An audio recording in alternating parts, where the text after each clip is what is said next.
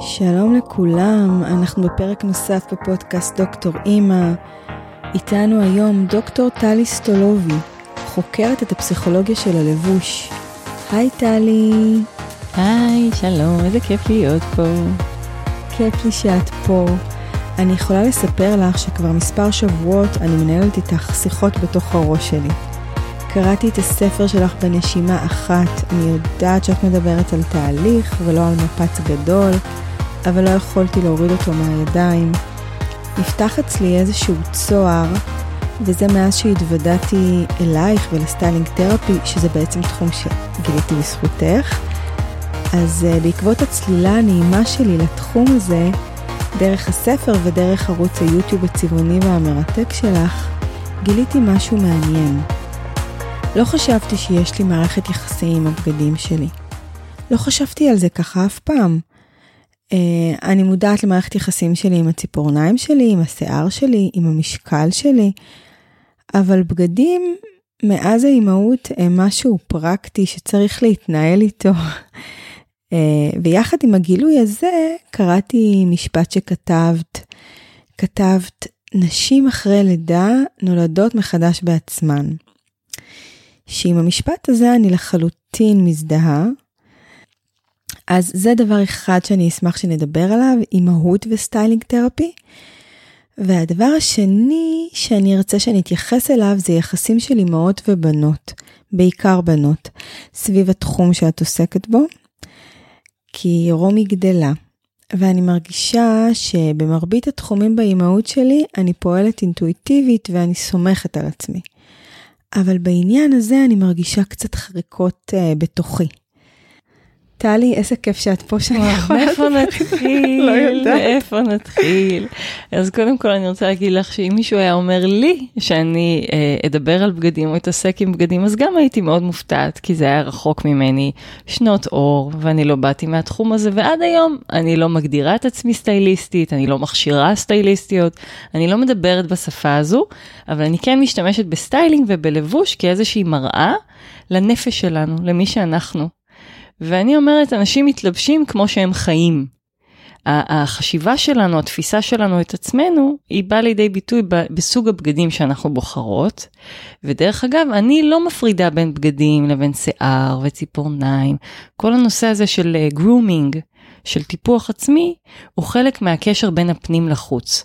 אז מה שאני קוראת לו styling therapy, זה בעצם איזשהו שם קוד למכלול של דברים שעוסקים בקשר בין האישיות שלנו, הנפש שלנו ודימוי הגוף שלנו, כמו שאמרת בצורה מאוד מדויקת בהתחלה, אה, לבין הבגדים שאנחנו בוחרות ובכלל כל, כל החוץ שלנו, כל המעטפת החיצונית שלנו. אה, זה styling therapy וזה בעיניי הפסיכולוגיה של הלבוש. הקשר הזה שלא ממש מדברים עליו, מתייחסים לאופנה ובגדים בתור דבר סופר שטחי, חסר משמעות, ואם אני מתחברת לנושאים הבאים שהבאת, גם אני חושבת שאנחנו לא ממש עוצרות לחשוב על התהליכים מאחורי בחירות הלבוש שלנו עבור הבנות והבנים שלנו, שגם שם יש עולם שלם של יחסים ותפיסות, איך אני רואה את הילד או הילדה הזו, איזה סוג של בגדים אני בוחרת, באיזה צבעים, באיזה גזרות, איך אני בוחרת בגדים לבן שלי לעומת הבת שלי, ואולי יש לי בת אחת גדולה יותר עם מבנה גוף מסוים, ואחרת צעירה יותר עם מבנה גוף אחר? איך אני בוחרת ומתווכת להן את הבחירות שלי? זה עולם שלם. זה כל כך רחוק רק מ- מהבגד הטכני הזה עצמו, מהבד הזה. זה כשיש לך איזשהו say לגבי מה הם ילבשו. נכון. זה בעיניי שייך לשנים מאוד מצומצמות בהתחלה. ואני יכולה להגיד שאני מאוד התפרעתי עם כל החלומות שלי בשנים הראשונות. אמ, אבל מאיפה נתחיל, מהאימהות או מהיחסים אימהות בנות? Mm, מאיפה נתחיל? אני חושבת דווקא, את יודעת מה, להתחיל מהבסיס של, של מה אני מדברת עליו. אני זוכרת ככה שדיברנו בשיחה לפני, לפני, עוד לפני שנפגשנו, ואמרת שמה שמעניין אותך זה איך זה עובד הדבר הזה. מה זה? מה זה בכלל הדבר הזה שאני רוצה להכניס לתוך עולמנו? אז כל הנושא הזה של מערכת היחסים עם הבגדים, זה נושא שמתחיל בשאלה, למה אני מתלבשת כמו שאני מתלבשת. ממש להתחיל לחשוב אחרת על הבגדים שלנו, ולהתחיל להבין שהבגדים שלנו הם אנחנו. הבגדים שלנו הם ייצוג שלנו, של מה שאנחנו חושבות על עצמנו ומה שעברנו במהלך השנים. אז ממש לפתוח את ארון הבגדים ולשאול את עצמי, מה יש לי שם ולמה? מה הבגדים האלה מבטאים? מה הם עושים שם? אני קניתי אותם? אני קיבלתי אותם? ממתי הם? כולם במידה שלי או לא? אה, כולם לבישים או לא? באמת, מה האחוז של הבגדים שאני בכלל לובשת ממה שיש לי בארון? זאת ההתחלה. אחר כך להתחיל לשאול מה אני רוצה שיהיה שם. איך הייתי רוצה להתלבש ולמה? איזה חלקים מהאישיות שלי הייתי רוצה לבטא? איך אני יכולה לעזור לעצמי להרגיש יותר טוב עם הגוף שלי ועם המשקל שלי דרך הבגדים שלי. כל, כל התהליך הזה שאני מתווה פה הוא חלק ממה שאני מדברת עליו כשאני אומרת להיטיב את מערכת היחסים שלי עם הבגדים שלי. אוקיי, okay, אז אני מנסה רגע לחשוב, נשים שבעצם אה, יש בהן איזשהו רצון או פתיחות להתעסק בנושאים האלה, אני יכולה לחשוב שזה אין פה איזושהי אובייקטיביות לגבי איך אני מתנהלת. זה בעצם כמו כל שינוי שאני ארצה לעשות, זה רק איזשהו נתיב ללכת דרכו. לחלוטין. ואיזושהי הבנה שמישהי אחרת אף פעם לא תדע יותר טוב ממני מה אני צריכה ללבוש. עכשיו, זה נכון שזה כמו כל תהליך התפתחות אחר, אבל אני רוצה להגיד לך שאני מרגישה שבבגדים יש כמו איזה מין קסם כזה. או קסם או חומר נפץ, זה תלוי מאיפה את מסתכלת על זה. כי אנחנו חיות בחברה שכל כך מקדשת את איך שאנחנו נראות, ומגיל כל כך צעיר אנחנו חוות את היופי שלנו ואת המראה החיצוני שלנו כדבר שמגדיר, מגדיר את הזהות שלנו. אני לא אומרת שבנים לא, אבל בנות יותר, אוקיי? ואז הלבוש הופך להיות איזה מין אה, אה, כלי שמגלם את כל הדבר הזה, אז את לא יכולה סתם לדבר על בגד.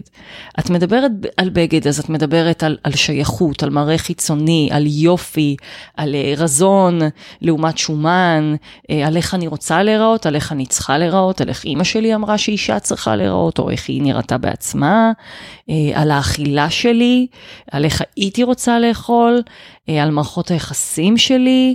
זה, זה, זה פשוט אה, אה, נוגע בכל כך הרבה אה, דברים וגם בצרכים רגשיים כל כך רבים, שזה הופך להיות מעין נושא מאוד מאוד מורכב. ואז אם אני מצליחה קצת לפצח את הנושא הזה, ולהגיע לאיזשהו חיבור רגשי טוב יותר עם הבגדים שלי, יש שם פוטנציאל ריפוי מאוד גדול. אני לא מתביישת להגיד את זה עד כדי כך, ממש פוטנציאל ריפוי מאוד גדול ואיזושהי הבנה שאני יכולה להתלבש סבבה, ככה כמו שאני. אני לא צריכה להיות עכשיו איזה סטייליסטית, ולא בלוגרית ולא אשת אופנה, אני יכולה למצוא בגדים שאני ארגיש בהם ממש ממש טוב, ואני אראה בהם לעצמי ממש ממש טוב, וזה יעזור לי לקבל אותי, אה, את הגוף שלי, את המראה שלי, וגם להרגיש במיטבי. אני יכולה להגיד לך שמה שמהפכני בעיניי זה שאני מגיעה מעולם הנפש ואני רגילה שתהליכים מגיעים מבפנים החוצה. אם אני רואה איזה מישהי שככה נראית מאוד טוב, אני אומרת, אני יכולה לדמיין איזשהו תהליך פנימי שהיא עברה, ובעקבותיו היא אה, מקדישה תשומת לב יותר לחיצוניות. ומה שאת אומרת זה שזה גם יכול לעבוד הפוך. נכון, נכון. בדרך כלל התהליכים שאני מעבירה מתחילים מבפנים החוצה וממשיכים מבחוץ פנימה. זאת אומרת, הבפנים זה הנבירה הזו, זו החפירה, למה אני מתלבשת כמו שאני מתלבשת, מה הבגדים האלה מסמלים עבורי, אה, מה ההיסטוריה של הלבוש שלי, איך הלבוש שלי השתנה לאורך השנים, כל זה, ואחר כך, אחרי שאני עוברת איזה תהליך של הבשלה עם זה, אני מתחילה לעבוד עם הבגדים עצמם. ואז אני בודקת את הסימבוליקה של הבגד, וזה ממש נקרא קוגניציה תלוית בגד, זה אפילו הוכח מחקרית, על ידי צמד חוקרים, אדם וגלינסקי, אה, זה כתוב אצלי בספר למי שרוצה קצת לחפור ולהבין, רוצה אה, לחפור ולהבין יותר. אפשר ממש ללמוד, להשתמש בבגדים שלנו כדי להניע דברים בתוכנו. ואז הבגד הופך להיות כלי, ממש כלי אימוני או טיפולי שבאמצעותו אני עובדת על כל מה שאני רוצה לעבוד. אני יכולה להחליט שאני רוצה לבטא תכונה מסוימת יותר.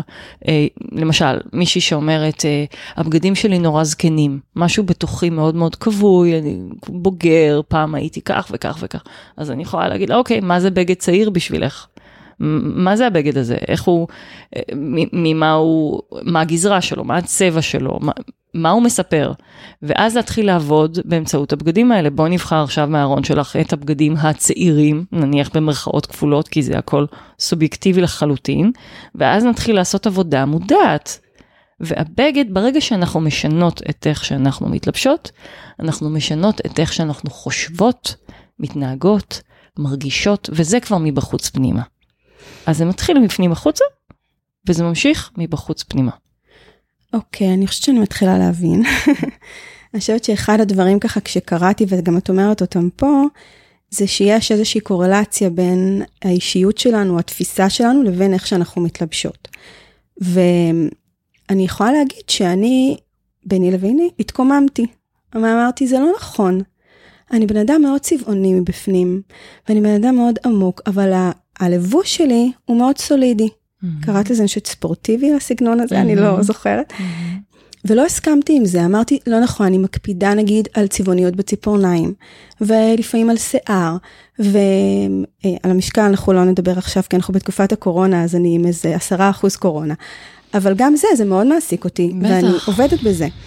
אה, את יודעת, כאלה דברים, ואמרתי, אבל על הלבוש לא הסכמתי עם הדבר הזה. אפשר להפריד בין הדברים, או שזה חבילה אחת? אני חושבת שאמרת לי פה הכל. אמרת לי בעצם את הסיפור שאני מרגישה שהוא הסיפור שלנו, הנשים. שאנחנו לא לגמרי יכולות להתלבש כמו שאנחנו רוצות, כי הנושא של הגוף והמשקל מהווה עבורנו אה, איזשהו מחסום מאוד גדול. עכשיו, לפעמים המחסום הוא אה, סובייקטיבי לחלוטין, אוקיי? אצל רובנו, ולפעמים הוא אובייקטיבי. לפעמים באמת יש נשים שקשה להם מאוד למצוא בגדים בחנויות כי אין את המידות שלהם. אובייקטיבית לחלוטין.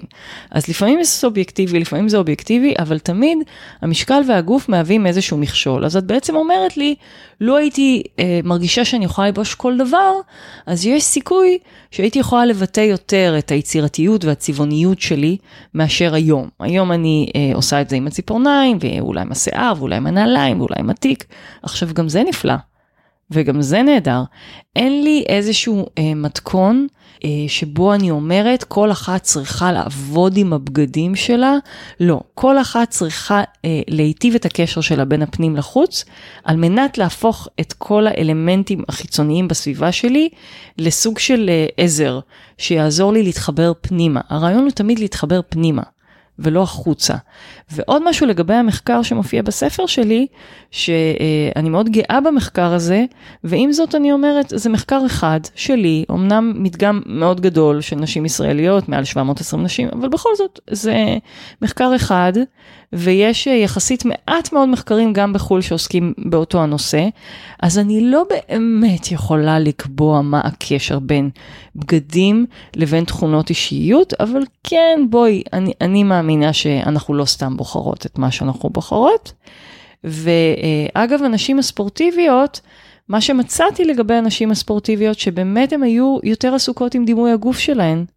זאת אומרת, היה משהו אה, פחות אה, כיפי בוא נקרא לזה ככה, בדימוי הגוף שלהן, לעומת נשים שבחרו בסגנונות האקלקטי, אה, אקלקטי אורבני, או בסגנון הקלאסי, הם יותר התעסקו בניסיון אה, להסוות את הגוף שלהם או את הפגמים בגוף שלהן. ואז ברגע שאני רואה, כשאני רואה בגד והדבר הראשון שאני חושבת זה האם זה מסתיר לי את הבטן או את היריחיים או מה שזה לכל אחד והאזורים החמים שלה, אז אני פחות פנויה לי להגיד, טוב, האם, האם הוא מבטא את היצירתיות שלי, את העומק שלי, את האינטלקטואליות שלי. זה בדרך כלל הסיפור שלנו. זה מרגיע, זה אומר שיכול להיות, זה פשוט לא מבטא באופן אה, חד ערכי את, ה, את האישיות. לא, לא, ו- ויש כל מיני דרכים לעשות את זה. אין רק דרך אחת. אני חושבת שהרעיון הוא להגביר את החיבור הרגשי בין הפנים לחוץ. אם את בוחרת בגדים שאת מרגישה שהם עושים לך טוב, ברמה היומיומית, זאת אומרת מחזקים אותך, מדויקים לך, אה, את מרגישה שהם משפיעים לטובה על שפת הגוף שלך, שהיא פתוחה ונינוחה. את מרגישה שהבגדים שלך מבטאים מול הסביבה את מי שאת, ואת הערכים שאת רוצה להעביר. אז מי אמר שאת צריכה להיות אה, בסגנון הרומנטי או בסגנון הקלאסי? כן, טוב, מה שאת אומרת הוא, הוא מורכב. נכון. אני חושבת שזה מורכב, מכיוון שאני יכולה לחשוב עליי, אני חושבת שבעצם מאז שאני אימא, אני רוצה שיהיה לי נוח. Mm-hmm. אני חושבת שממקום אחר, אחת הנשים הנפלאות שדיברתי איתה, טל עמית, mm-hmm. אני חושבת, היא אמרה שיש משהו ב... ב... כביכול אין קוד לבוש ישראלי, אבל משהו בישראליות שגם ככה קשה פה, mm-hmm. אז שיהיה לי נוח. אז נכון, אני לוקחת נכון. את זה נכון. אליי לאימהות, נכון. גם ככה קשה פה, אז שיהיה לי נוח. אוי, וככה, ככה אני מתנהלת, שיהיה לי נוח. כן, כן. כן, עכשיו חיברתי את הדברים. אה, טל אמיתי, חוקרת אופנה, ששוחחתי איתה, כן. אני אחבר את זה לאימהות בעוד קטע, שבמחקר שלי מצאתי שנשים שהן אימהות, דימוי הגוף שלהם היה נמוך יותר מאשר נשים שעוד לא ילדו.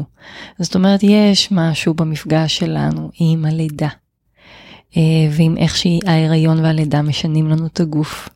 שהגוף שלנו לעולם לא חוזר להיות אותו דבר, כמו גם הנפש שלנו לא חוזרת להיות אותו דבר. והתהליך הזה בא לידי ביטוי מאוד חזק ביחס שלנו אה, לגוף שלנו ולבגדים שלנו. וזאת שאלה, איך אני כאימא אה, יכולה להתלבש בצורה שגם מתאימה למי שאני היום ולצרכים שלי, כמו שאמרת, שיהיה לי נוח. אה, כשאני הולכת לגינה עם הילדים, אני לא, אה, אני, אוקיי? אני טלי, אני לא אנעל נעלי עקב, אה, או, או אלבש משהו שאני לא אוכל להתנועע בו אה, בחופשיות, אה, אבל בכל זאת, לא לוותר אה, לחלוטין על מי שהייתי קודם.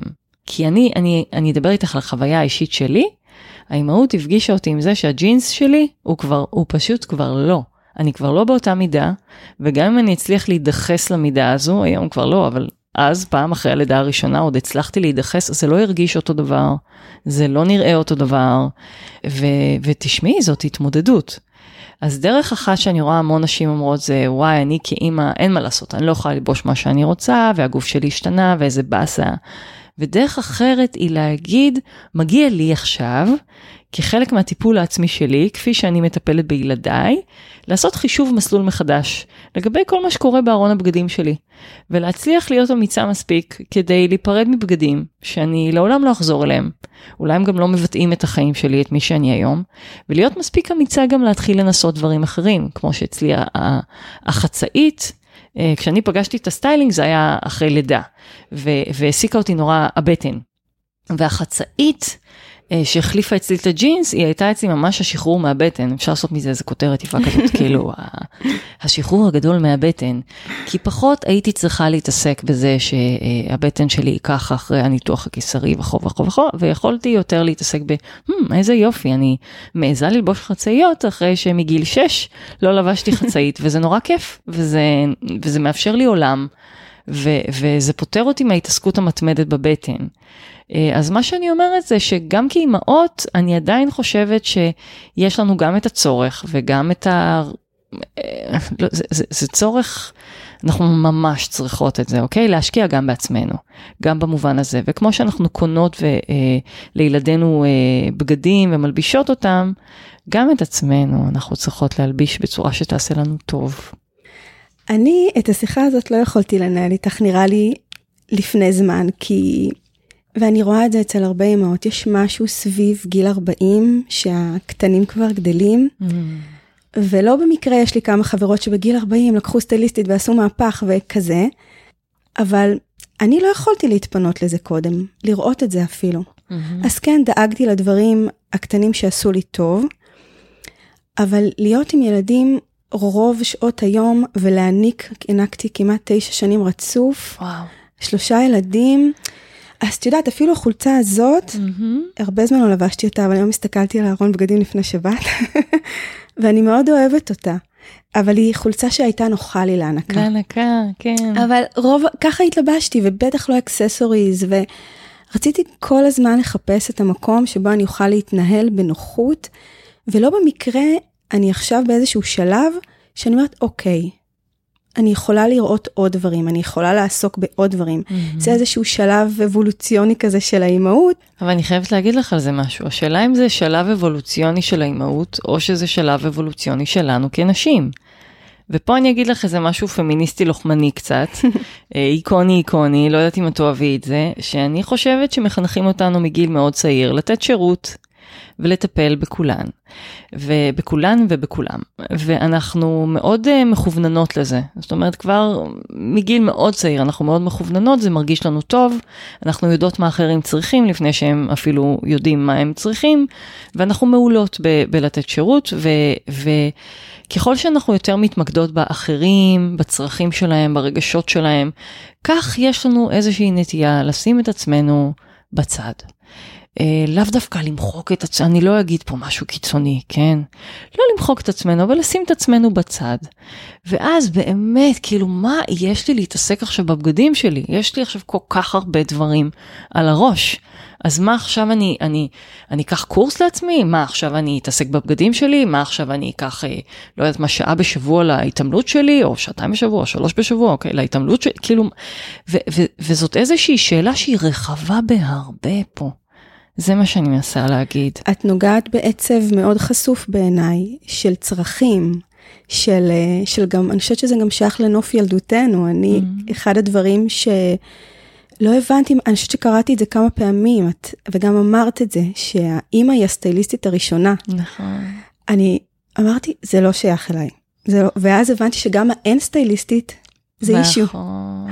וזה, ומה שאת אומרת עכשיו לוקח אותי עוד יותר פנימה ועוד יותר עמוק למקום שבו, למקום שממנו אנחנו גדלות, גם תרבותית וגם בתוך הקן הקטן שלנו שאנחנו גדלות בו. ונכון, אני גדלתי במקום שזה קודם כל לשרת את הצרכים של אחרים.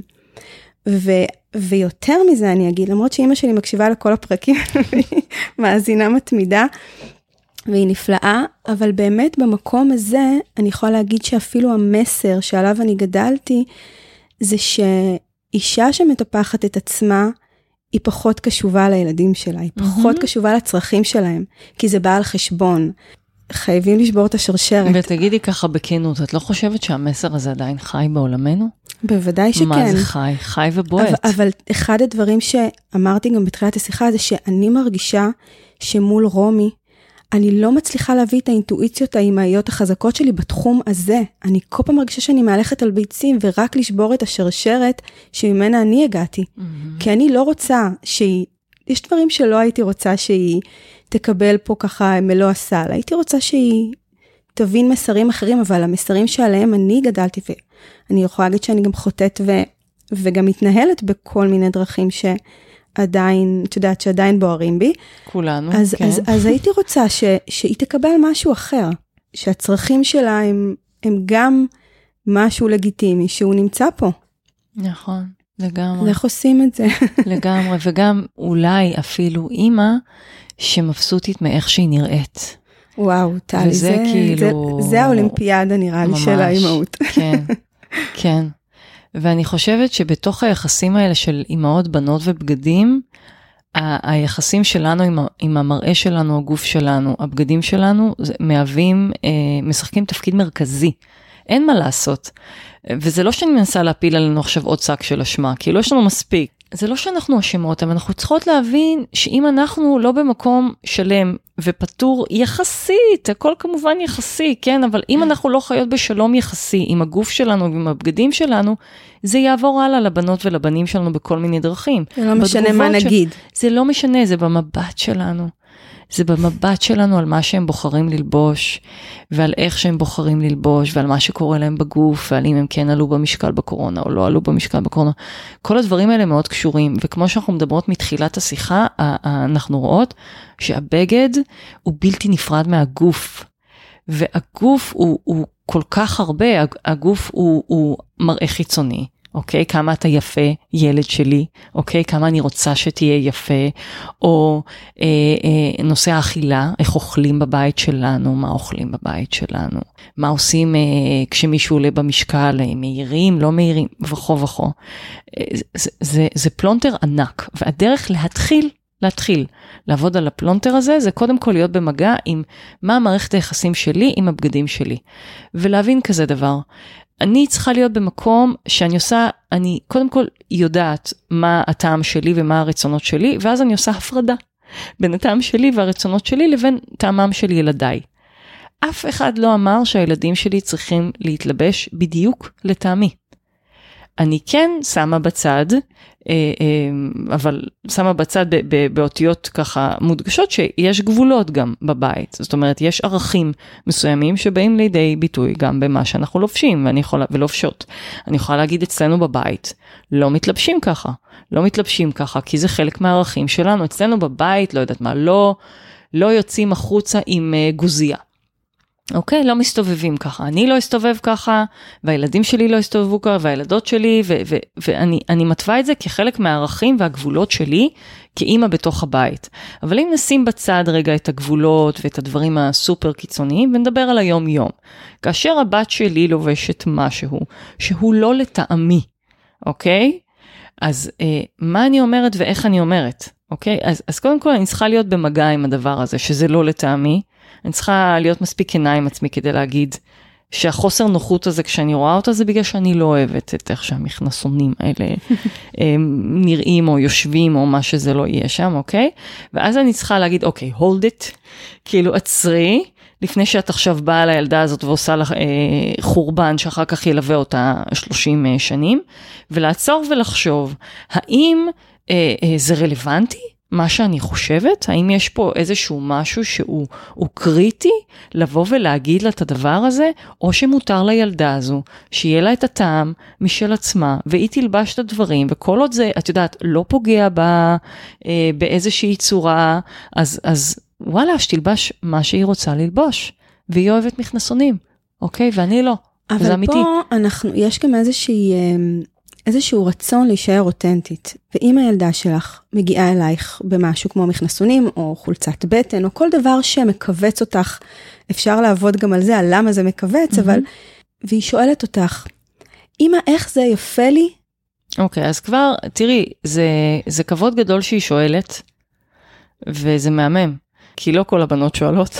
יכול להיות שזה גם עניין של גיל, אולי עוד מעט היא כבר לא תשאל, אבל בינתיים היא עוד שואלת. נכון, נכון. אה, אבל כשהיא שואלת, הרעיון הוא לא להסתיר את דעתי. זאת אומרת, את מכוונת למשהו מאוד נכון. שזה שיש לנו דעה וטעם, זה משהו שהוא לא נסתר מעיני ילדינו.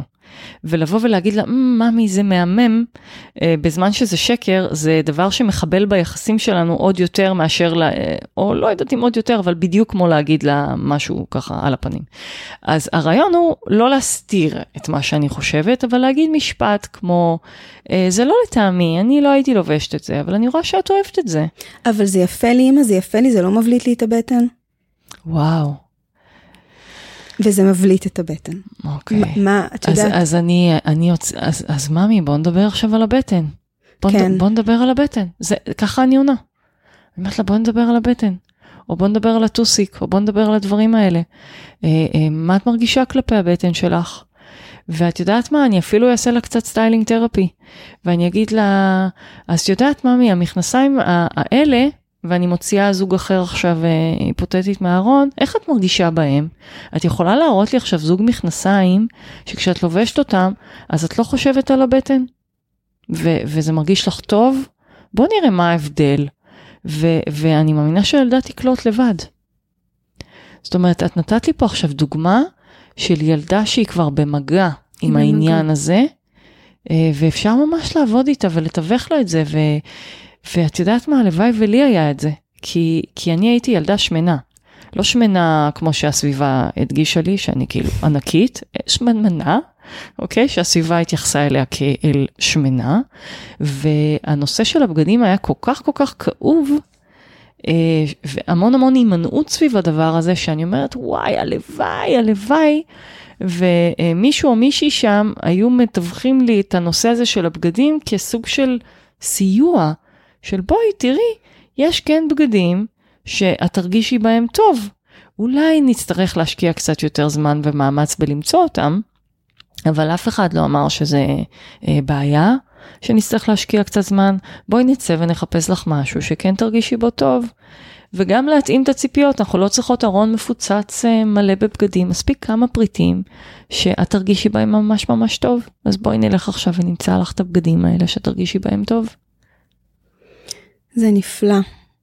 אני חושבת שאחד הדברים שאמרת שגם ממש, אה, שאותו אני חוויתי, אני גדלתי בדימוי של ילדה שמנה, ושנים אחר כך, כשהסתכלתי על התמונות, אמרתי, איזה עוול. זה לא היה כזה. ואני כל החיים גדלתי כילדה שמנה ואובייקטיבית, אז זה באמת המקומות האלה שאנחנו מגיעים מהם. את יודעת, הדברים הם מאוד מאוד קשורים, מה שאנחנו מדברות עליו, כי הרבה פעמים אני חושבת שאנחנו יכולות לתת לילדים שלנו תחושה שהם שמנים, בזמן שהם שמנמנים. והכוונות שלנו אה, יכולות להיות הכי, הכי טובות בעולם, אבל האמירות שלנו, אה, המבטים שלנו, סביב דברים אחרים, ולבוש זה אחד הדברים. אוקיי? Okay. אני לפעמים לא רוצה לעשות בהפוך, את מבינה? כי אם אה, יש לי ילדה עם מבנה גוף מסוים, אה, אין לי רצון גם להציג לה איזשהו מצג שווא, כי היא ילדה mm-hmm. חכמה, והיא משווה את עצמה לאחרות, והיא, mm-hmm. יש דברים בגוף שלה שהיא מרוצה מהם, והיא אומרת אותם, ויש דברים בגוף שלה שהיא לא מרוצה מהם, ואומרת אותם. ומה שאת ככה אמרתי, ובאמת נתן לי איזשהו פתח, זה שאין פה שום דבר אובייקטיבי, אלא להתאים את הבגד שירגיש, שתרגישי בו נוח, לגמרי. בתוך הגוף. הזה שיש לך. זה חלק מהטיפול שלנו בהם. אני מרגישה שזה ממש, את יודעת, התפקיד הזה של האם המלבישה, שהוא לא כתוב בשום מקום, הוא לא, הוא לא, אף אחד, אף אחד לא הגדיר אותו, בטח לא מבחינה טיפולית, הוא תפקיד כל כך כל כך חשוב. ממש, ממש. ו... תשמעי, אני חושבת שהילדים והילדות שלנו יקלטו דברים שליליים על הגוף שלהם מאוד מאוד בקלות בחברה הזו, גם בלי שנגיד להם מילה, דרך החברים והחברות שלהם, ובכלל דרך הסביבה וגם דרך עצמם. ולכן אנחנו לא, הם, הם לא באמת זקוקים לזה שנבוא ונגיד להם, כן, קצת הבטן, או, או אה, אה, ממש ממש לא, ובכלל אני בדעה של לא לדבר עם הילדים שלנו, אה, לא לחוות דעה על הגוף שלהם. אוקיי? אלא לדבר איתם על הבגד, לא על הגוף. אני מקווה שאני ברורה פה. על האור השני בעצם. כן, כן, על האור השני, וגם כל הזמן לחזק את מה שכן יפה. אבל okay, אם אוקיי? את מחזקת ו... את מה שכן יפה, זה לא אומר משהו על משהו פחות. אם אני אומרת לה כל הזמן, איזה רגליים מדהימות יש לך, אבל אני לא אומרת לה שום דבר על הבטן, היא מבינה לבד. אז זהו, אני, אני לא אומרת רגליים, אני, אני מדברת על הגוף כמכלול, אוקיי? זה עוד משהו שחשוב לי להגיד אותו. אני לא מפרקת את הגוף. אני לא אומרת, אה, הידיים שלך יפות, הרגליים, העיניים, וזה מדהים, אני נאנחת כי, כי הבת שלי, אה, שבוע שעבר, ביקשה ממני ומבן הזוג שלי, שאנחנו נגיד לה איזה חלקים בגוף שלה הם הכי יפים. את רואה, היא מפרקת. וואו, ואמר, ואמרתי לה, אני לא מוכנה אה, להתחיל לפרק את הגוף שלך לחלקים, כי הכל יפה בעיניי, המכלול. ואי אפשר לפרק את הגוף, העיניים הן מחוברות לפנים, שמחובר לשיער, שמחובר לעורף, והכל מחובר שם, אי אפשר לפרק. וזה גם מה שאנחנו עושות לעצמנו, יש לנו עניין עם היריחיים שלנו, עם החזה שלנו, עם הבטן שלנו, ואם אנחנו פשוט נלמד להסתכל על הכל כמכלול, אנחנו נראה שזה אף פעם לא כל כך נורא כמו שזה מרגיש לנו. Uh, ואני חושבת שחלק מהעניין זה גם לתווך את זה לילדים שלנו, לדבר על כן, כן מה שטוב בעיניי זה, זה לדבר כן על המכלול, על כמה את יפה וכמה את מוצלחת, ואיך את יודעת לבחור, ובאיזה איזה, איזה בגדים את בוחרת, ואיזה צבעים, ולחפש, לחפש את, ה, את המקומות שלה או שלו. אה, שבהם הם כן מצליחים לבטא את עצמם, שבהם הם כן מרגישים שלמים, אה, אה, במובן הזה. אז אני חושבת שאחד הדברים שככה עזרו לי להתעסק ולגעת בתחום הזה, זה להבין שמעבר לכל מה שאני אגיד לה או לא אגיד לה, האופן שבו אני תופסת את עצמי, זה הרבה מעבר לכל משהו ורבלי שאני אעביר לה. לא חשוב כמה אני אגיד לה, אבל אם אני עומדת מול המראה ולא מרוצה ממה שאני רואה, אם אני עולה על המשקל בבוקר ואומרת, יואו, כאילו, איזה באסה. נכון. אז זה בכלל לא משנה מה אמרתי לה לפני, אני צריכה להיות בשלום עם עצמי, וזה בעיניי תהיה המתנה הכי גדולה עבורה. נכון, לגמרי. אני בכלל בעד להעיף את המשקל. אצלי אין משקל כבר כמה שנים. אה, באמת, כבר, כבר די הרבה שנים. זאת אומרת, יש, יש משקל. איפשהו, אבל אני לא עולה על המשקל, אני לא נשקלת. אה, אני לא חושבת שהבת שלי ראתה אותי נשקלת, אה, כאילו, ever. כי אני לא רוצה בכלל להכניס לה את זה לסיסטם. אני לא יודעת לאן זה ייקח אותה, ואני, ו, ובשביל מה. ו, ואת יודעת, היא, היא יודעת להעריך את עצמה גם ככה, גם ללא משקל. אז, אז, אז, אז טריגר אחד פחות. ומה שאמרת הוא, הוא סופר נכון, הוא כאילו, הוא הדבר, אה, כי, כי הן, הן קולטות, זה כמו שהבת שלי כל הזמן אומרת לי, אמא, את הכי יפה בלי איפור, את הכי יפה בלי איפור, ככה, טבעי, ככה אני אוהבת אותה. ואני כאילו שומע, והמשפט הזה מהדהד אצלי, מה היא אומרת לי פה בעצם? מה היא אומרת לי פה בעצם? והאם אני מוכנה לאהוב את עצמי בלי איפור? והאם אני יכולה לראות את עצמי במבט החומל הזה, כמו שהיא יכולה להסתכל עליי בסוף יום, את יודעת, עם השקיות מתחת לעיניים, שאני גמורה? ולהגיד, אמא, איזה יפה את ככה בלי איפור. ולא להרוס, לא להרוס את הדבר הזה, כי אם אני באותו רגע אגיד, וואי, מה פתאום, וואי, תראי איזה יפה אני, וואי, אני, אני נראית בת מאה, אז וואי, איזה, איזה מסר אני מעבירה לה פה. עכשיו תראי, חשוב לי גם להגיד, אני לא איזה צדיקה בסדום, כאילו, גם אני מרגישה שאני כל הזמן בתוך תהליך. עם הדבר הזה, כי גם אני משתנה, וגם אני מתבגרת, וגם אני כל הזמן נחשפת יותר ויותר לעולם הזה של, ה, של הסטייל והבגדים, ומגלה, את יודעת, כל מיני, כל מיני עולמות של השראה סביב העניין הזה, גם, גם של נראות, ו, וזה משפיע גם עליי, וגם אני חיה בחברה הזו, אה, שבה נשים יכולות בלי להתבלבל להגיד, את יודעת, את יכולה למלא פה קצת בצד, וזה, אז, אז גם אני מושפעת כל הזמן, אז גם אני בתהליך. אה, של אה, איך להרגיש עם עצמי טוב או יותר טוב כל הזמן, ו- ואיך להעביר לילדים שלי את זה. המון אחריות. תראי, אני אגיד לך, אני חושבת שמה שמפריד בינינו לבין הדור של ההורים שלנו, מבלי להשמיץ, זה המודעות. גם עליהם הייתה המון המון אחריות עליהם ועליהן, הם פשוט פחות הכירו בזה. פחות זה היה בתוך הסיסטם, הדברים האלה, ואצלנו יש מודעות מאוד מאוד גבוהה אה, אז זה לא שאנחנו יצרנו פה איזה משהו, אני כן חושבת שהדור של הבנות שלנו היום יותר חשוף מאיתנו לכל הנושא של האינסטגרם, ובכלל כל הנפלאות של הסמארטפון, שהכניס את כל הפילטרים, ואפילו ברמת ה... אה, שכחתי עכשיו איך קוראים לאפליקציה עם הכלבלבים וכל ה... זה לא משנה. טיק טוק, לא? אה, גם, גם, גם. כל, את יודעת, כל האפליקציות האלה ש... שבתכלס משנות. Snapchat. Snapchat, כן, שמשנות, משנות את הפיזיולוגיה, ואז הבנות שלנו מגיל מאוד צעיר רואות כל מיני דמויות ודימויים שהם לא טבעיים. כן, לא ממש טבעיים. ממש תחת פילטר. נכון. אני חושבת שזה אחד הדברים ש... שכן יש פה שיח בבית, שהסברתי לה גם שהיא נגיד מחוברת עכשיו ורק התחילה על אינסטגרם, ושם כמובן התמונות הן תמיד הכי מהממות והכי מהממות.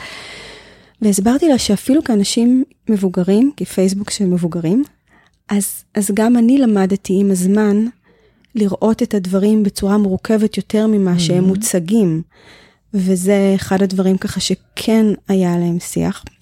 אבל דיברת על מודעות, וזה בעיניי טומן בחובו הרבה מאוד דברים, כי חלק מהמודעות שלנו זה, זה העיסוק שלנו בעצמנו.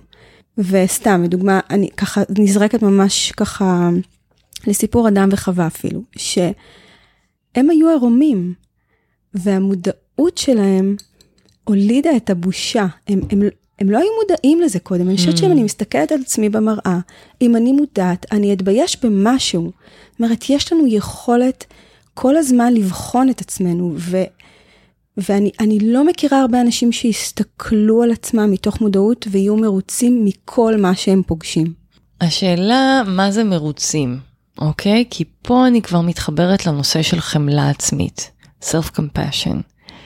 self-compassion בעיניי בהקשר הזה זה לדעת שדברים הם לא מושלמים, אולי אני לא נראית כמו שהייתי רוצה להיראות, אולי אני לא מתנהגת כמו שהייתי רוצה להתנהג, אולי אני לא האימא שהייתי רוצה להיות, אוקיי? אבל אני עדיין, יש לי את היכולת לחמול על עצמי, גם כמו שהייתי חומלת על מישהי אחרת במצבי, ועם איזושהי אה, אה, מידה של פרופורציה. כמו שקודם דיברתי על לראות את המכלול, לראות את מה שכן טוב, אה, מה שאני כן אוהבת, אה, אז, אז גם פה, לראות את המכלול. אה, אז מודעות היא לאו דווקא בעיניי חייבת להוביל להלקאה עצמית, זה שני דברים שונים. ואני חושבת שאנחנו כנשים, יש לנו נטייה מאוד חזקה להלקאה עצמית. גם סביב המראה החיצוני שלנו, גם סביב האימהות שלנו, התפקוד שלנו כאימהות. וזה אגב מאוד מעניין לבחון את ההבדלים בין הדורות, אם כבר דיברנו על מודעות, איך, איך הדור של האימהות שלנו היה אה, מהבחינה הזו. תראי, אני מרגישה שנשים היום מאוד מאוד אה, באיזושהי התבוננות עצמית אה, של, של כמה זמן אני מבלה עם הילדים, אה, כמה שעות אני משקיעה בעבודה לעומת הבית, לאיזה בית ספר אני שולחת את הילד, האם אני שלמה עם אה, צוות ההוראה שיש בבית הספר, המסרים שיש בבית הספר. אמ, כן, כן, אנחנו אנשים מאוד טובות בלהלקות את עצמנו. אז יש לי תחושה שבמובן זה, בדור הקודם הדברים היו פשוטים יותר. אני לא יודעת אם זה מתוך חוסר מודעות, אלא משהו בתרבות היה שונה. אני זוכרת דברים שהיום הם לא מקובלים. אני כילדה מאוד צעירה הסתובבתי ברחוב עד שעות מאוחרות, כן. ובסוף הייתי חוזרת הביתה. נכון. היום נכון. זה לא, לא מקובל. נכון, נכון, לא מקובל. השאלה היא באמת לאיזה עולם גם הילדים שלנו גדלים. אני לא יודעת, כי יש פלוסים ומינוסים בכל מצב.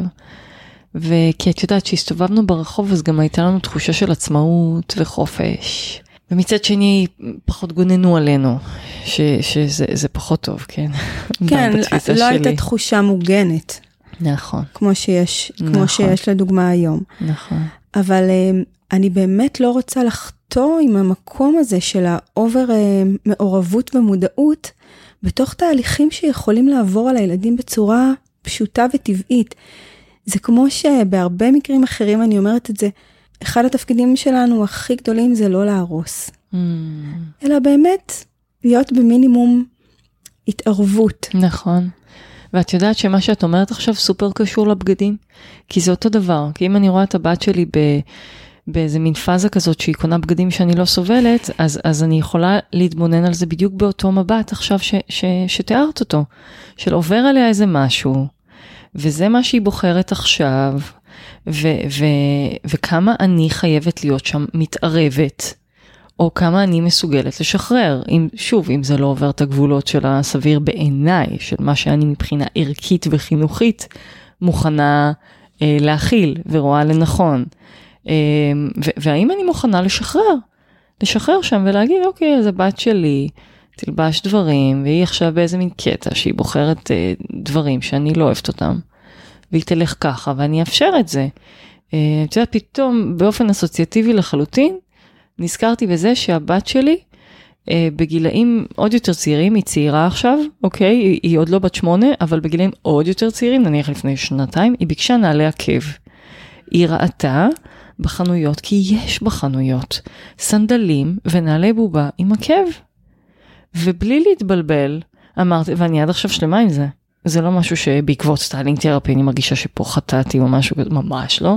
אמרתי לה, עלמה, אני מרגישה שזה לא בריא ללכת עם נעלי עקב בגיל כל כך צעיר שהגוף שלך גדל ומתפתח, ולא. ובעתיד, סבבה, תלכי לך עם נעלי עקב כמה שאת רוצה. לא בגיל הזה. תבחרי לך אבל, אוקיי, אבל, תבחרי לך נעליים שאת אוהבת, שאת אוהבת לטעמך, ווואי, אני לא, לא יכולה לתאר לך כמה זוגות נעליים כבר היא בחרה שאני באמת, זה... אוקיי, וזה הטעם שלה, זה מה שהיא אוהבת. כן, את מתארת פה איזשהו גבול מאוד ברור, וגם היה לזה איזשהו הסבר, בעיניי לפחות מניח את הדעת. אני התמודדתי עם משהו אחר, אני לא יודעת אם עשיתי נכון או לא, וגיל גם, סביב גיל, אני חושבת ששש וחצי, שבע, רומי מאוד רצתה להתאפר. עכשיו זה גם מישהו שיש לי עם עצמי, כי אני לא מתאפרת, ואין לי הרבה איפור, אבל היא מאוד רצתה להתאפר. ולמרות הביקורות מהצד, אה, הלכתי איתה ובחרנו כמה פריטים של איפור אה, שמותאם לילדות, יש איזה ליין כזה מסתבר, mm-hmm. לא הכרתי. ובמשך, זה לא לקח הרבה זמן, אני חושבת שבמשך חודש, היא התאפרה כל יום. בדרכה. וזה עבר לה. Mm-hmm. ואני אומרת שבמקומות לפעמים נדמה לי שזה בסדר, ולפעמים אני לא יודעת. אני לא יודעת כל כך מה נכון, כי הרי כשהיא הלכה כולה מאופרת על הפרצוף ברחוב, לי זה לא כל כך שינה, אבל היא הייתה צריכה להתמודד עם תגובות. מעניין. ועשינו ניסוי. זה ממש מעניין, את יודעת? וזה עבר. כן. כן. עכשיו לכי תדעי מה היה קורה אם היית אוסרת את זה, או עושה מזה עניין, או כן קונה לה את האיפור, אבל אז מתחילה לנהל עליו משא ומתן של מה את כן מרשה, מה את לא מרשה, ולנהל סביב זה כל מיני מאבקים ואישו, זה היה רק מנפח את זה עוד יותר. את לגמרי שחררת, את גם היית קשובה אליה, ואת גם שחררת.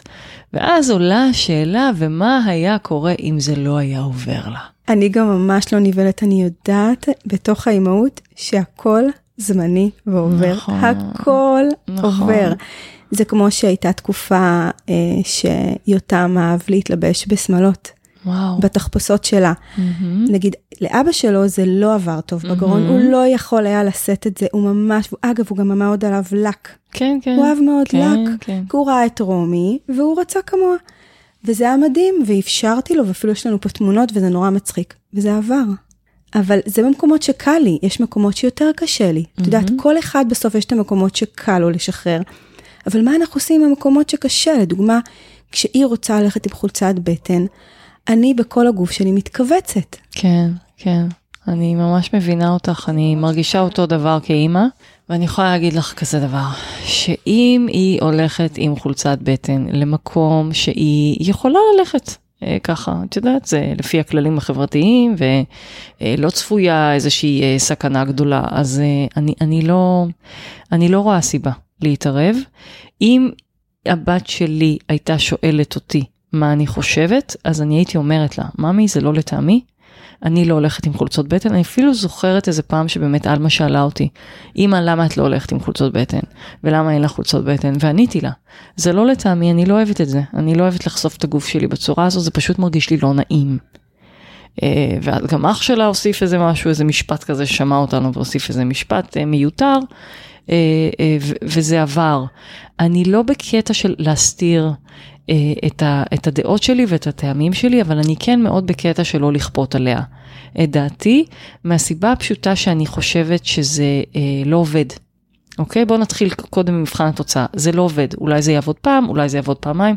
בשלב מסוים זה כבר לא יעבוד יותר, זה יהפוך להיות קונפליקט, מאבק, אה, אפילו זה יכול להפוך להיות שקרים. אני מכירה נערות שמחביאות בגדים ומתלבשות מאחורי הגב של ההורים שלהם, בבתים של החברות שלהם. אה, אז, אז, ואני מכירה מקרים כאלה. אז... ואנחנו לא רוצות את זה. ממש לא, ממש לא. אני מעדיפה לראות הכל לנגד עיניי ולדעת מה קורה. אה, ואני גם, גם רואה בה ו, ובו, בילדיי, אני רואה בהם עולם נפרד. יש לי את היכולת היום, אה, שלא הייתה לי בגילאים אה, צעירים מאוד שלהם, וזה גם ההבשלה שלי כאימא, ובטח החומרים המקצועיים שאני עוסקת בהם, לעשות איזושהי הפרדה בין הרצונות שלי, הטעמים שלי, ההיסטוריה האישית שלי. מה שאני לבשתי לאורך השנים או לא יכולתי ללבוש, ולא להשליך עליהם את כל, ה, את כל השקים שלי את יודעת, זה כמו שאני שומעת אה, אימא אומרת, וואי, איזה יופי שהיא לבושה ככה, יש לה גוף מהמם, איזה כיף לה, שתרשה לעצמה, אני בגילה הייתי מתה להתלבש ככה. זה גם סוג של העברה בין דורית, שאני לא, אני לא רוצה להיות שם. את מבינה? אז אני, אני לא רוצה להשליך עליהם אה, אה, את כל השקים שלי, לא, לא בפן הכאילו חיובי ולא בפן השלילי. אני רוצה שתהיה לי את היכולת לעשות הפרדה, אבל גם דיאלוג. כי אם יש דברים שאני באמת מרגישה שהם הם, קשה לי להכיל אותם, או הם חוצים את הגבול שלי, אני רוצה לדבר עליהם. ואז אני רוצה לדבר עליהם בצורה שהבת שלי תבין שיש פה עניין, שיכולה לסמוך עליי, אגב, האם המלבישה. שהיא יכולה לסמוך על דעתי, כי אני לא אומרת לה כל שני וחמישי, זה לא, זה לא יפה, זה צמוד מדי, זה לא, זה בטן, זה... אני, לא הופכת להיות דמות כזו. ואז אחת למאה שנה, כשאני כבר באה ואומרת לה, תקשיבי, זה בעיניי אה, לא מכובד להסתובב ככה, אני מאמינה שהיא תקשיב לי.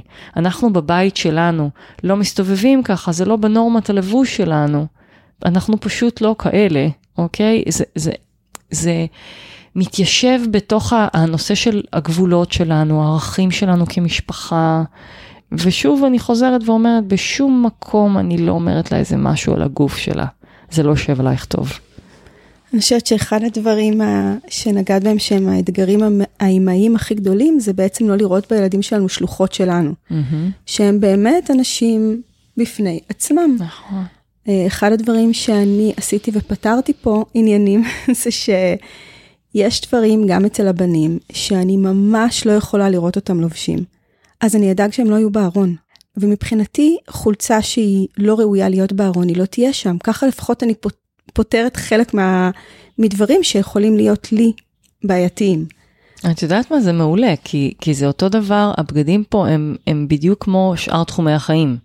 Uh, הדוגמה הכי זמינה לי עכשיו שקופצת לי לראש זה אוכל.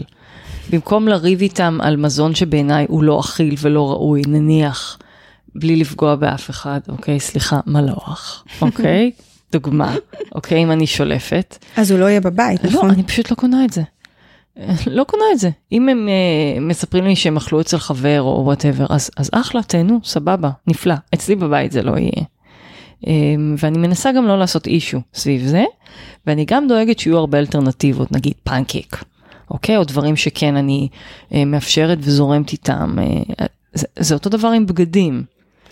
את, את הרבה בשיחה מחברת, ואני לא ידעתי שזה ככה מחובר, בין תזונה לבין ה styling therapy. ממש, אני בתוך זה, חזק. זה מדהים, כי מבח... מבחינתי אני כאילו רציתי להגיד לך, תראי, עם המשקל שלי יש לי עניין, אבל עם הבגדים לא. אבל זה לא. נפרד. כן, אבל זה לא, זה לא אותו דבר. ורציתי להגיד לך, יש, אה, אני יודעת שכשאני אגיע למשקל הזה, אז זאת אומרת, רציתי להגיד לך שמבחינתי היכולת לפתוח את הארון ולהתלבש, היא גם שייכת למשקל האקטואלי. יש משקלים שלא נוח לי איתם. Mm-hmm. גם יש לי מעט מאוד בגדים מתאימים למשקל מסוים, כי רוב הזמן אני במשקל אחר, ושם נוח לי להתלבש. אבל אני שומעת ממך שזה מחובר. הכל מחובר. תראי, אני אגיד לך משהו, אחרי שש שנים שאני עוסקת בדבר הזה, אני הגעתי לשורה תחתונה שהיא הייתה לי די כואבת, אה, ואמרתי, איך לא ראית את זה עד עכשיו? זה תמיד הנושא של האוכל והמשקל. תמיד, תמיד, תמיד. כל התהליכים שלי מובילים לשם. זה, זה בלתי נפרד, אי אפשר להפריד בין איך שאנחנו מתלבשות לבין איך שאנחנו אוכלות. כי מה שמתווך בין השניים זה הגוף. ומכיוון שהבגדים הם האור השני, אז אי, אי אפשר, אי אפשר לדבר על בגדים בלי להתייחס לגוף. והגוף משתנה ומתהווה בהתאם למה שאנחנו אוכלות. אז אי אפשר להפריד בין הדברים האלה. ואם תחשבי על זה עוד קצת לעומק, אז את תגלי שאנחנו קצת בוחרות בגדים כמו שאנחנו בוחרות אוכל. למשל, דוגמה. די, לא, את הורגת אותי עכשיו. זה... זה, זה ממש אותו דבר. את יכולה להיות בבולמוס של קניות, ואת יכולה להיות בבולמוס של אוכל. את יכולה לבחור בצורה מאוד, אה, להפך, בצורה מאוד מדויקת. אה, אני למשל, אוקיי? אני בוחרת בצורה מדויקת, אני לא, לא אכניס לגוף שלי אוכל שאני מרגישה שהוא לא טוב לי. שהוא מזיק לי, לא טוב לי, שתכאב לי אחר כך הבטן, ואני גם לא קונה בגדים שהם לא מדויקים לי, שאני יודעת שהם ישכבו אחר כך בארון, שאני לא יודע מה לעשות איתם. אה, אה, הכל, הכל אצלי, אני הגעתי לאיזה מין חיבור פנימי כזה מאוד מאוד חזק, גם בזכות העיסוק שלי ב styling therapy, שהכל מדויק, אבל זה לא תמיד ככה. נשים מספרות לי על תקופות. הן אה, אומרות, אני הפוכה עכשיו, אני גם עליתי במשקל, אני גם קונה מלא מלא מלא, אני, אני לא מצליחה לעצור. זה, זאת, זה, זה סוג של אנרגיה בולמוסית או אנרגיה כאוטית כזו, שהיא מופיעה בכל תחומי הצריכה. איך אני בוחרת, איך אני צורכת, מה אני מכניסה לתוך המרחב שלי, מה לא.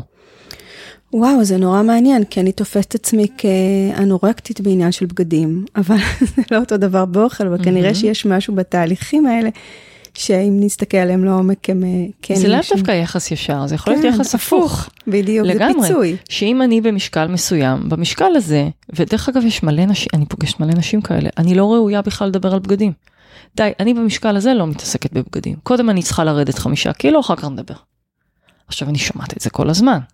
עכשיו, אם את רוצה, לה, עכשיו פה אני לא נכנסת לעניין הזה, כי אני לא קובעת לאף אחת מה המשקל המדויק לה, אני לא דיאטנית, אני לא...